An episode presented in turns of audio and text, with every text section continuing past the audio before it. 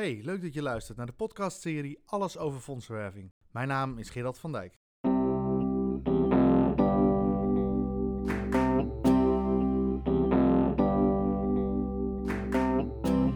Je luistert naar een podcast van Krantio Fondsenwerving. Van harte welkom bij weer een nieuwe aflevering van de podcast Alles over fondsenwerving. Deze keer ga ik het met je hebben over 10 overeenkomsten tussen flamingo's en fondsenwerving. Ja, je hoort het goed, 10 overeenkomsten tussen flamingo's en fondsenwerving. Hoe ik tot dat vergelijk ben gekomen, ga ik je aan de hand van 10 stappen uitleggen. En ik hoop dat je aan het einde van deze podcast denkt, ja, hij heeft nog gelijk ook. Ik geef toe, het is een beetje een rare vergelijking. Maar in het leven van een flamingo en vooral in de voorbereiding op het paren en de partnerkeuze zitten een aantal lessen verborgen die eh, voor ons als fondsenwervers heel nuttig kunnen zijn. We beginnen bij de eerste overeenkomst. Het vormen van een paar bij de flamingo's is een proces. Het is een soort dans. Het wordt ook al wel een bals genoemd. Niet een wals met een W, maar een B, een bals. En dat proces dat kan soms wel maanden duren en het kan ook op verschillende plekken uh, plaatsvinden. En dat is natuurlijk ook met onze fondsenwerving zo. Zeker wanneer we het hebben over uh, relatiegerichte fondsenwerving. Dus ik heb het niet over je mailingen en je online campagnes, maar echt specifiek over het aangaan van gesprekken met bijvoorbeeld major donors of bedrijven, ondernemers. Dan is dat een proces. Ik heb het al eens vaker genoemd in mijn podcast. Het is eerst relatie en dan donatie. Uh, want mensen en organisaties geven aan goede doelen, aan personen die ze kennen, waarderen en vertrouwen. En dat kennen, waarderen en vertrouwen, ja, dat kost tijd. Dat gaat meestal niet in één gesprek. Uitzonderingen dagen later, het kan wel eens voorkomen dat je in één gesprek gelijk een klik hebt en gelijk uh, mensen zich misschien al voorbereid hebben op uh, jouw organisatie of jouw project. En al uh, eigenlijk al bereid zijn of positief gestemd zijn. En dan tijdens het gesprek ehm, komt het tot een overeenkomst of een samenwerking. Maar meestal is dat niet zo. Het is een proces. Dat kan maanden duren. En dat kan ook op verschillende plekken plaatsvinden. En het is goed om je daarvan bewust te zijn. Dat het dus niet in één keer gelijk hoeft te gebeuren. Die flamengo bals, die dans, en het is heel leuk om eens even op uh, YouTube dat op te zoeken als je het nog nooit gezien hebt, hoe dat dan in zijn werk gaat. Het zijn allemaal ja, hele statige bewegingen. Ze schudden met hun kop van links naar rechts, lijkt ook een beetje een tango. Uh, vaak wordt dat beeld er ook bij gebruikt. En het zijn heel veel synchrone weergaven. En dat dat balsen, dat, die dans, dat is dus een sociaal gebeuren. Daar doen ook flamengo's aan mee die nog niet geslachtsrijp zijn. En daar doen ook flamengo's aan mee die al een partner hebben gekozen. Dus het hoort bij hun ja, sociale ritme om met elkaar die dansen uit te voeren. Ze hebben omgang met elkaar. En zo is het ook met fondsenwerving. Het is belangrijk om elkaar te ontmoeten. Zelfs als je misschien al uh, als je misschien nog niet helemaal klaar bent om een uh, voorstel te doen. Of als je um, al een aantal samenwerkingen hebt met verschillende partijen. Misschien niet eens op zoek bent naar een nieuwe, uh, nieuw bedrijf of een nieuwe major donor. Maar het is goed om deel te nemen aan dat sociale proces van omgang hebben met elkaar. Dan komen we aan bij de derde overeenkomst. En dat is dat het ook een groepsproces is. Je ziet nooit twee flamengo's die het wel zien zitten met elkaar samen die balsen uitvoeren. Het, het hoort bij het hele groepsproces.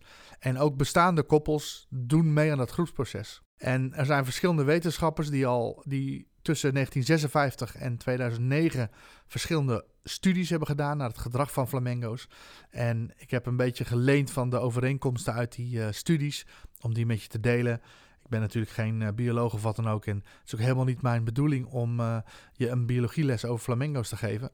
Maar vanuit het perspectief van fondsenwerving is het interessant om daarnaar te kijken. Uit die studies blijkt dat als een bestaande groep, als daar flamengo koppels bij komen, die ook meedoen met die, met die flamengo bals, dat dan die bestaande groep zeg maar nog enthousiaster wordt. Dus alhoewel zo'n bestaand koppel uh, die bals niet gebruikt om een partner te kiezen, want ze, zijn al, ze vormen al een koppel, dat enthousiasme wat zich meebrengen slaat over op de rest. En dat is ook iets moois binnen fondsenwerving. Als jij de enige bent in jouw organisatie die zich met fondsenwerving bezighoudt en dan specifiek gesprekken, bijvoorbeeld met uh, major donors of met stichtingen of bedrijven, dan uh, mis je die aanvuring. Dus het is belangrijk om ook als fondsenwerver omgang te hebben met andere fondsenwervers. Het liefst natuurlijk binnen je organisatie, zodat je elkaar kunt aanvuren en elkaar, van elkaar kunt leren in die dans. Maar als dat niet lukt binnen je organisatie, omdat je misschien voor een kleine club werkt en jij de enige bent, zoek dan andere fondsenwervers van andere organisaties op om toch samen die dans te doen en vooral van hen te leren. Te luisteren naar, hey, hoe, hoe pak jij het aan? Waar word jij enthousiast van? En ik weet zeker als je dat regelmatig doet, dan heeft het ook invloed op jouw energie en enthousiasme. De vierde overeenkomst tussen flamengo's en uh, fondsenwervers is dat de kleur van zowel de snavel en de veren en de poten verandert wanneer flamengo's klaar zijn om een koppel te vormen. Nou, dan kun je zeggen, wat heeft dat nou met fondsenwerving te maken? Nou, we weten uit de gedragswetenschap dat 80% van onze communicatie non-verbaal is. Die vogels praten ook niet met elkaar, maar ze laten dus door het verandering van hun snavel en hun veren en hun poten, de kleur daarvan, laten zij zien dat zij er klaar voor zijn om een koppel te gaan vormen. En die koopsignalen, dat gedrag, dat kan je ook uh, in gesprekken waarnemen. Dus je kunt voor jezelf een soort checklist maken van waar moet iemand aan voldoen voordat iemand in staat is om met ons te gaan samenwerken. Nou, moet van het project weten, moet bereid zijn om uh, in te stappen met geld of tijd of middelen of een combinatie daarvan.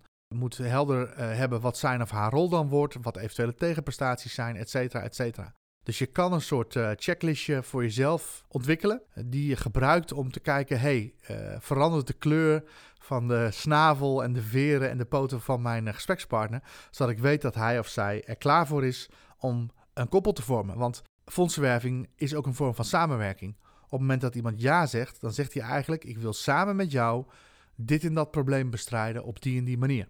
Je gaat ook een soort koppel vormen. Het wordt ook een soort samenwerking, een partnerschap. En in het verlengde ervan komen we aan bij de vijfde overeenkomst. En dat is de figuren die de flamingo's dansen tijdens die bals. Die komen overeen met bewegingen uit het dagelijks leven. En het gesprek wat jij met een potentiële gever voert, is dus ook een dans, wat zich op meerdere plekken en meerdere momenten kan uh, afspelen. Maar ook de bewegingen die hij of zij maakt in die verschillende gesprekken, die komen uit het dagelijks leven. En dat sluit een beetje aan op het vorige punt dat uh, eh, 80% van wat wij communiceren non-verbaal is, of in ieder geval ongeveer 80%. En de flamingo's die maken bijvoorbeeld figuren die zij ook gebruiken wanneer er dreiging is. Of figuren juist om anderen gerust te stellen. Het is veilig, het is oké hier.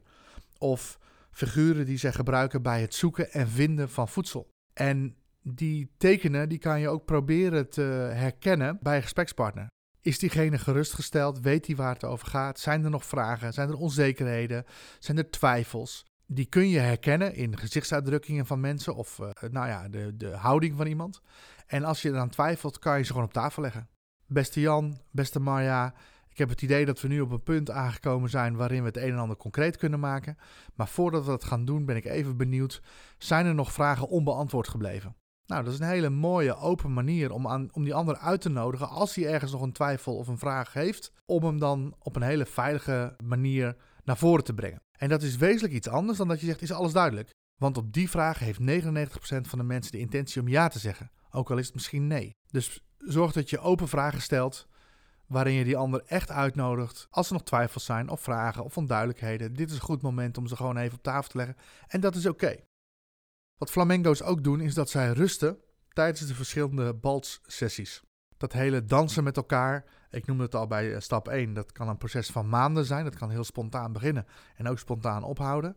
Maar zij rusten dus ook tussen de verschillende sessies. Dat is ook goed om dat mee te nemen in jouw eigen proces dat je niet in één keer tot het kookpunt hoeft te komen en ook niet per se in twee keer. Natuurlijk moet er wel een bepaalde ontwikkeling plaatsvinden. Dus als je na drie of vier gesprekken nog het gevoel hebt dat je net zo ver bent als in het eerste gesprek, dan zou je dat ook uh, bespreekbaar kunnen maken of kunnen checken. Hey, is die ander wel geïnteresseerd? Is die ook uh, bereid om met mij een paar te gaan vormen en, en uh, een ei uit te broeden? Nou, daar gaan we straks nog even over dat beeld gaan we het nog even hebben. Maar het is oké als er gewoon tijd tussen zit. Dus wees niet ongeduldig. Gun die ander ook de tijd om het intern te bespreken. En wat ik vooral niet zou doen, is dat je als je na gesprek informatie toestuurt. Stel je bent op maandag op gesprek geweest. Dinsdag kom je op kantoor, stuur je informatie toe. En dan donderdag nabellen. Dat is natuurlijk een extreem voorbeeld, maar gun die ander ook de tijd om het, uh, om het tot zich te nemen. En vaak heeft die ander ook andere prioriteiten, dus speel daar een beetje mee. Maar neem ook gewoon die rustsessies uh, serieus en uh, laat die ruimte bestaan. Hoewel er dus al jarenlang onderzoek wordt gedaan naar het gedrag van flamingo's in het algemeen en deze balsdansen in het bijzonder, zijn de wetenschappers weten nog steeds niet hoe de ene flamingo aan de ander een signaal afgeeft dat er interesse is. En ze zien een kantelpunt in het gedrag. En ze zien dan ook dat twee flamingo's zich soms afzonderen van de groep. Dus die hebben dan een koppel gevormd. Maar hoe ze dat aan elkaar duidelijk maken, daar komen ze niet achter. Dat is een mysterie. En ik vind dat een mooi mysterie. Want als mens denken we dat we heel veel weten en heel veel kunnen. En dat is natuurlijk ook zo. In de laatste honderd jaar heeft er een enorme ontwikkeling plaatsgevonden op allerlei vlakken. Maar het is ook mooi, vind ik persoonlijk, dat er nog bepaalde zaken een mysterie zijn. Zoals hoe de ene flamingo aan de ander duidelijk maakt: ik zie jou zitten en de ander dat ook bevestigt. En dat is hetzelfde mysterie, denk ik, dat als je in een gesprek van iemand die je niet kent, dat er een relatie ontstaat of dat, er een, dat jij gepassioneerd bent over jouw project en daar uh, met vuur over vertelt en geïnteresseerd bent in die ander, dan dat er ook een soort klik ontstaat. Dat is misschien wel dezelfde chemie die, die je niet uit een uh, boekje kan halen, die je niet via een stappenplannetje kunt uh, realiseren. Die, die is er of die is er niet. Er zijn natuurlijk wel technieken waar je in je gesprekstechnieken en in je houding waar je rekening mee kan houden. Maar uiteindelijk of dat die klik ontstaat, dat niet. En dat blijft een mysterie. En daar zul je ook mee moeten dealen. En ehm, soms ook accepteren dat jij geen klik hebt met een ander. En dat je misschien beter de volgende keer een collega kan sturen. En na het mysterie van stap 7 komen we dan aan bij stap 8.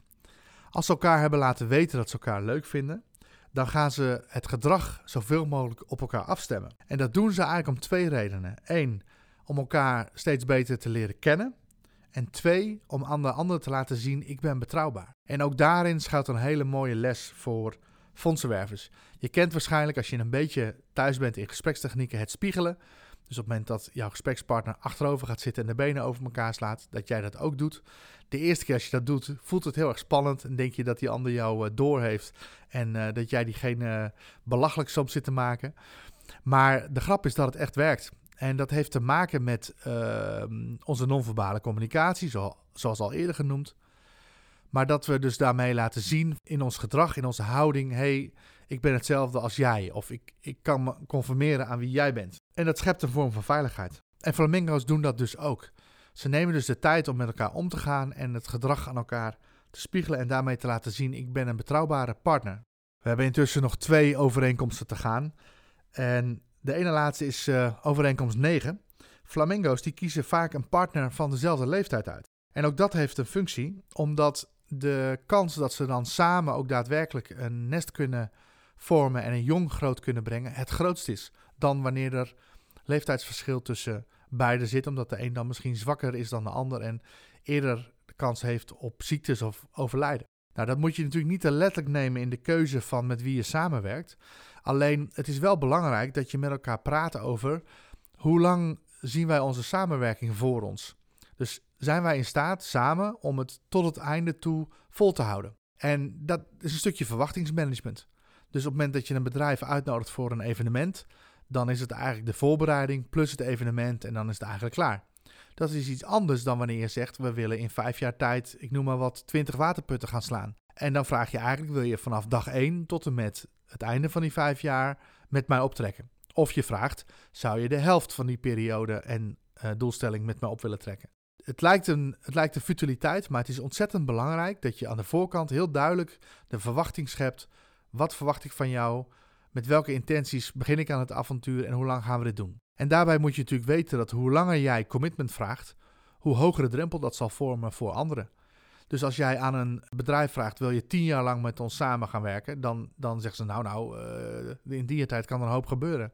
En ze willen natuurlijk ook de vruchten proeven van de samenwerking met jouw mooie organisatie en project. Dus een samenwerking van een kortere periode is makkelijker aan te gaan. Maar tegelijkertijd wil je natuurlijk ook commitment. Dus het is een beetje zoeken naar hoe doe je dat? En het mooiste vind ik is dat je eerst bouwt aan een snelle positieve ervaring. En die gebruikt om zeg maar weer een volgende positieve ervaring uh, te creëren. En zo op die manier de relatie en het partnerschap te versterken. En daarmee komen we aan bij de laatste overeenkomst die ik in deze podcast met je wil delen. Dat is nummer 10. Veel flamingo's zijn namelijk wel paartrouw, maar niet partnertrouw. En dat lijkt hetzelfde, maar het is toch iets anders. Paartrouw wil zeggen dat degene met wie ze paren, daar blijven ze bij om samen het jong uh, op te voeden. Maar wil niet zeggen dat ze de rest van hun leven bij die bepaalde partner blijven. En partnertrouw is dat overduidelijk wel. Dan kies je ervoor om tot het einde van je leven bij dezelfde partner te blijven. Dat is misschien een beetje een gekke vergelijking, maar het geldt ook voor ons.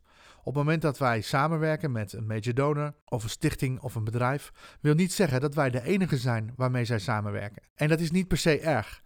Ik snap dat je het liefst 100% van hun commitment in tijd, geld, materialen, etc.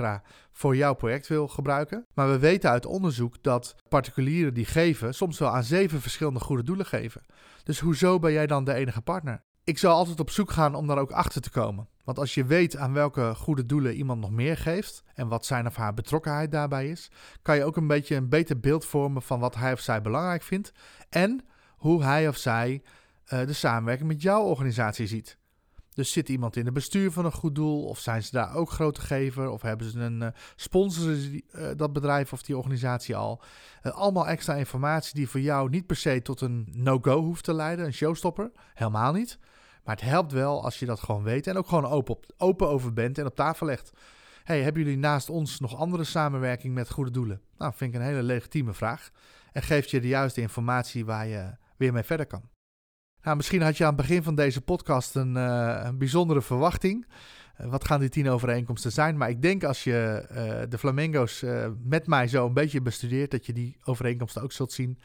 Nogmaals, als je de gelegenheid hebt, check YouTube voor een aantal Flamengo balsen. Het is een prachtig gezicht. En je begrijpt nu ietsje beter ook waarom ze het doen en hoe ze het doen. Of als je in de gelegenheid bent, kun je natuurlijk een keer naar de dierentuin gaan. Tot slot wil ik uh, de onderzoeker even noemen waar ik wat informatie van geleend heb. Dat is Joop Treep. En je kunt meer informatie vinden als je echt wil weten wat flamingo's doen op flamingo'sinnederland.info. Bedankt voor het luisteren naar deze podcast. Ik vind het leuk dat je de tijd hebt genomen. En ik wens je heel veel succes en plezier met je fondsenwerving. Want als jij er plezier in hebt, zal die ander dat ongetwijfeld ook merken. Mocht je dit een leuke aflevering vinden, zou ik het heel fijn vinden als je een waardering achterlaat in je favoriete podcast-app. En wil je het helemaal compleet maken met een recensie, maak je me helemaal blij. Dankjewel en graag tot de volgende keer.